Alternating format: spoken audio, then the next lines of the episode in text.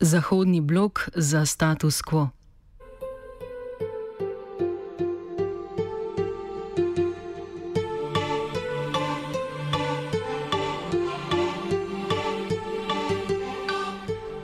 Evropski svet je predlagal seznam kandidatov za najviše pozicije v strukturi Evropske unije.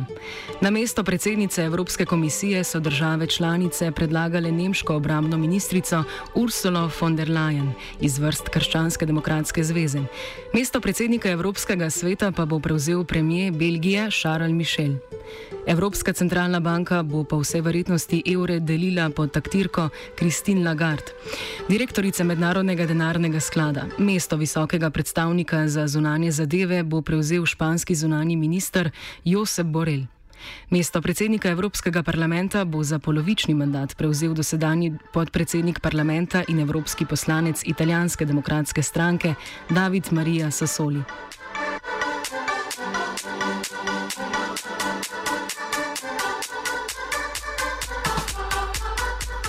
O mestu predsednice Evropske komisije mora sicer še odločati Evropski parlament.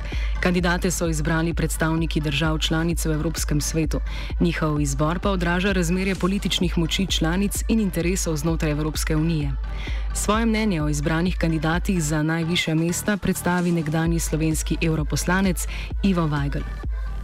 Vsi ti, ki so bili izbrani na najviše funkcije, so bili uh, presenečenje za vsakogar, ker uh, je bilo nekako že v predhodnih igrah političnih uh, določeno, da bodo to, te funkcije dobili nekateri drugi ljudje. Ne? In uh, zdaj, če najprej rečemo, da, to, da to je presenečenje, ne? Potem lahko nadaljujemo, da pa ni presenečenje, zato ker so vendarle vsi ti ljudje iz nekih eh, struktur, eh, Eh, ki jih poznamo iz eh, znanih političnih struktur eh, v Evropski uniji ne, in od, ni med njimi takšnega, ki bi obetal, da bodo resnično neke spremembe se zgodile, ki jih Evropska unija pravzaprav pričakuje in ljudje v, v Evropski uniji. Malo je presenetljivo, ampak za nekoga, ki se dolgo časa ukvarja z Evropsko unijo, eh, presenečenje, da nikogar ni v teh strukturah zdaj iz eh, tako imenovanega Evropskega vzhoda. Manj je presenečenje za me to, da so se pravzaprav pojavili nekako ljudje iz eh, drugega ešalona, ki so prišli na vrh, ne.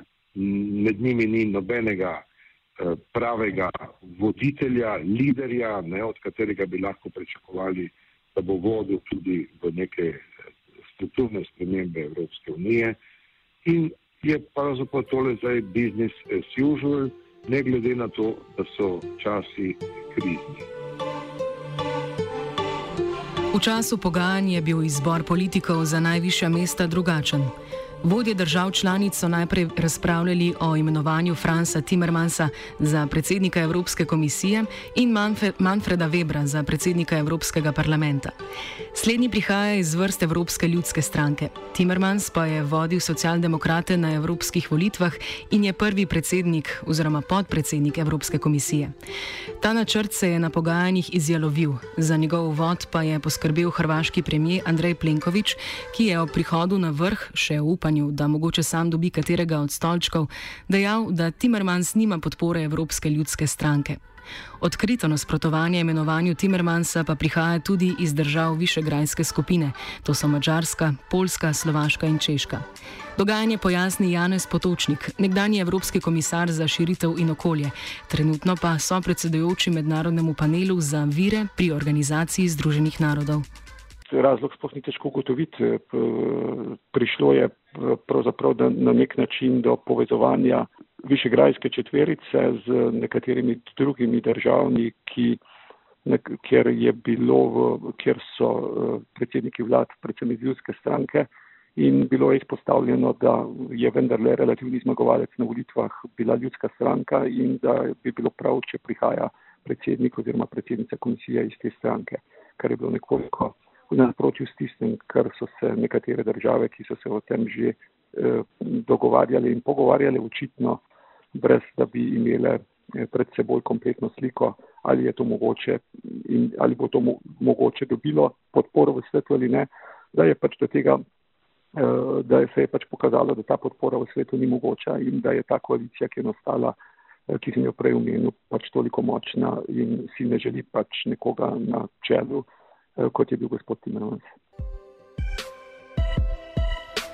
Na mestu Timmermansa se je na to kot kompromis pojavila Ursula von der Leyen, ki trenutno službuje kot ministrica za obrambo v nemški vladi.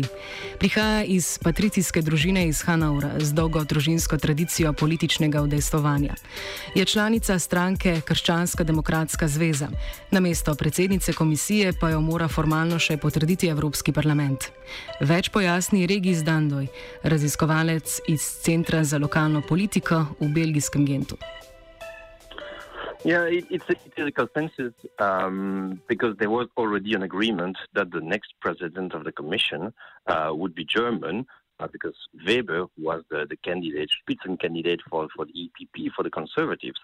So, so it was already accepted that it might be uh, a German at the head of the European Commission. So the fact that, that she's coming German, that she's coming from the, the um, uh, Social Democrats in, in Germany, uh, is not a surprise. It is a surprise that it's not the Spitzenkandidatin that has been designated and defended by Angela Merkel uh, over um, the last uh, few months, and that is not a, a person that is uh, that was close to the European Commission. There are many uh, EPP uh, commissioners, vice presidents that could have potentially be, be candidate for this position. Um, so, so the fact that she was looking for somebody inside of her cabinet is a surprise. Ursula von der Leyen sicer zaradi koalicijskih sporov ni dobila jasne podpore strani nemške vlade, kljub temu pa je njeno imenovanje podprla kanclerka Angela Merkel. Von der Leyen je sicer kot obramna ministrica Nemčije že javno izrazila podporo ideji skupne evropske vojske in obramne politike. Yeah, it's going to be very interesting regarding a defense policy. So um, there have been some improvements, well, I, I mean, some advancements regarding uh, common defense policy, common European army uh, in the last few um, months and few years. Um, there have been some rumors that there will be there will be a new commissioner for defense uh, that would be appointed in the commission, and the, the fact that the future president of the commission will uh, have experience as defense minister is also a very important fact. So it, it, it indicates that probably defense will be a priority for the next five years in the European Commission. Um, so this is something also important, uh, and there, there, have been some demands by uh, um, European countries, not only from Western Europe but also from Central and Eastern Europe, uh, because of the weakening of the NATO, um, because of the weakening of the ties between uh, Europe and the USA. Um, some people wanted to have a new line of defense uh, um, regarding Russia, regarding external threats, and I think this is this is uh, one step um, towards uh, this um, European uh, army. Na mesto visokega predstavnika za zunanjo politiko je bil imenovan Josep Borrell, 72-letni zunanji minister Španije in nasprotnik katalonske neodvisnosti. Zdi se, da je njegovo imenovanje bolj odsev političnih moči in notranje političnih interesov držav članic kot izraz skupne zunanje politične strategije. Več Weigel. Eh, recimo mene izrazito moti ne, izbor visokega predstavnika za zonanje zadeve. Ne vem, kaj je lahko uh, dodana vrednost, ki jo lahko Španija da k skupni evropski zonanji politiki.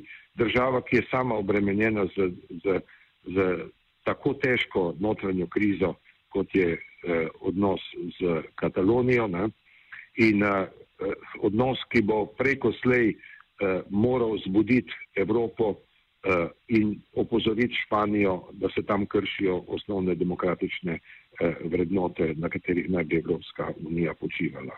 To je pravica do samoodločbe, pravica do, do eh, eh, izpričevanja svojega političnega prepričanja, polit, pravica do volitev in eh, nujnost upoštevanja rezultatov volitev in tako naprej. In tako, naprej tako da Eh, ta izbor me pravzaprav preseneča. Ne bi me pa smel presenečati z ozirom na to, da je jasno, da je Španija v tem trenutku v neki politični igri z Makronovo Francijo in da se pravzaprav vse lojalnosti pričakovane in tiste aktualne eh, pravzaprav nagrajujejo za takšnimi eh, mesti.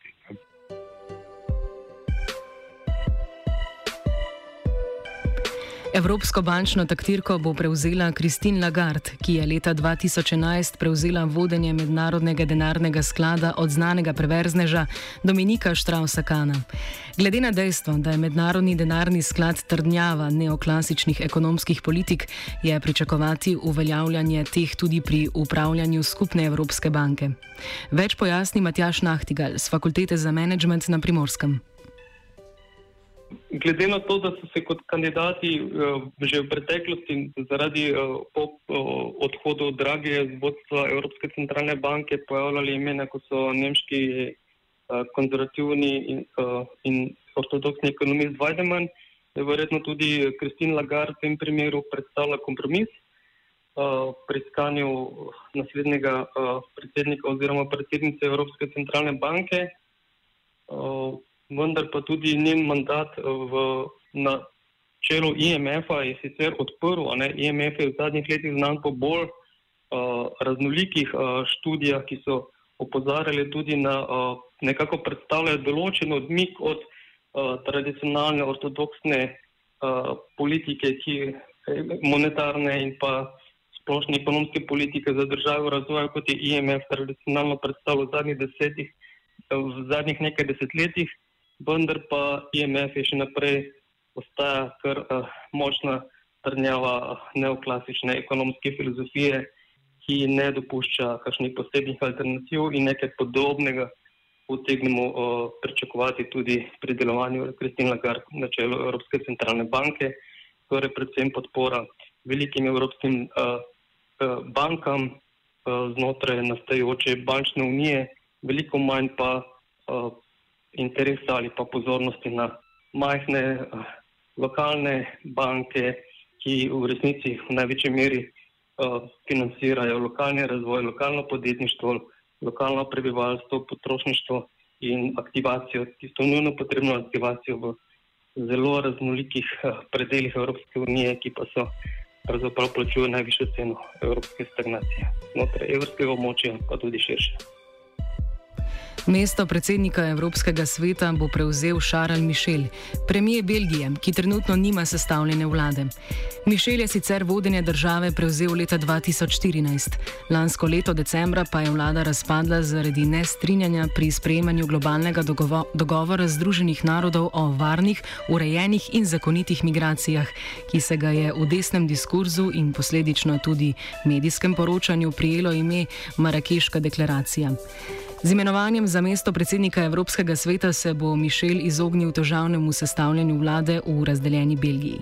Več dan doj. We are currently with a uh, government, uh, caretaker government, because the government of Charles Michel resigned. Um, they're negotiating for the new uh, cabinet, but it's, it's probable, it's highly probable that there will be no uh, new cabinet before the 1st of December. He enters in, into a, his new position in 1st of December. So there might be a political crisis because the prime minister is leaving the country, he's escaping to the EU and leaving the country without a prime minister in a period of, of crisis because they have to negotiate the new government. So um, they might have some, some uh, internal politics impact uh, in Belgium because of the appointment of the prime minister as, as president of the council.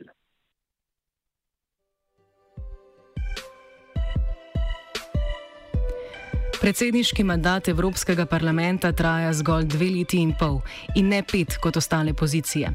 Na mesto predsednika je bil izglasovan David Marija Sassoli iz Demokratske stranke, ki v Italiji nastopa v opoziciji. Sassoli je sicer nekdani televizijski novinar in že več let deluje v politiki, v preteklem mandatu pa je deloval tudi kot podpredsednik Evropskega parlamenta. His nomination is, is interesting because it was first uh, a nomination against the proposition of the council. So the council decided to, to nominate the former prime minister uh, of Bulgaria.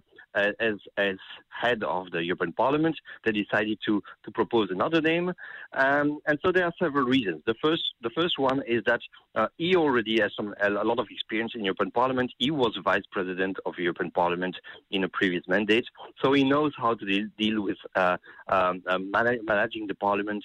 He was involved in negotiations, so so he's somebody that is is, is quite respected and knows the functioning uh, of the, the, European Parliament, even if he was not in front of the cameras uh, uh, every day like, like the other group uh, leaders. Uh, and, and secondly, it's, it's, it's, an important indication. Um, there we're talking about Italian politics, um, because this is not somebody that is appointed by the current government of Italy, but it's somebody that is belonging to the oppositions. Social Democrats are in the opposition in Italy, so appointing a uh, head of, of the parliament that is coming from the opposition party in Italy is also a very important uh, uh signal uh, regarding populist force against well the, the five star movement and especially against the uh, extreme right movement Lega Nord in Italy.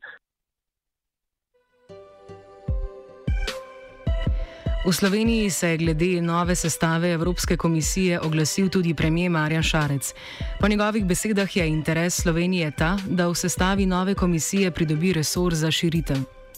Glede na besede Žona Kloda Junkerja, predsednika Evropske komisije v odhajanju, naj komisija ne bi načrtovala novih širitev v prihajajočem mandatu. Kakšen bi bil lahko interes Slovenije za prevzem resorja, pojasni potočnik. Eh, pol za šalo, pol za res, mi smo komisarja za širitev že imeli in sicer sem bil jaz pol leta komisar za širitev skupaj s Verhojtnem. Eh, morda se spomnim takrat, ko smo leta 2004 vstopili in je bilo pol leta prehodno obdobje in takrat sem bil jaz na nek način komisar v senci gospoda Verhojtna, ki je bil odgovoren za širitev. No, kakorkoli že, eh, kako zares bo politika širitve na, na programu bodoče komisije, je težko ugibati. Jaz iskreno upam, da bo prisotna močneje, kot je bila doslej. Da je to, da je naše sosedstvo in Zahodni Balkan visoko na politični prioritetni lestvici za Slovenijo, je razumljivo in prav je tako. Vprašanje pa je, kako bo to, uh, kot sem dejal prej, že dejansko tudi prednostna naloga komisije v prihodnih letih. Zdaj, nekatere stvari so se premaknile v zadnjem letu, tako da upati je, da se bo vendarle ta proces ukrepil in da se bodo stvari premaknile naprej. Drugače pa je moje eh, stališče približno tako, da vsi resori so pomembni, razširitveni resor morda nasplošno po mnenju ljudi v komisiji ni viden med tistimi najpomembnejšimi, eh, verjetno zaradi dejstva, da se v zadnjih 15 letih na tem področju ni prav veliko dogajalo. Seveda se to lahko v prihodnosti spremeni.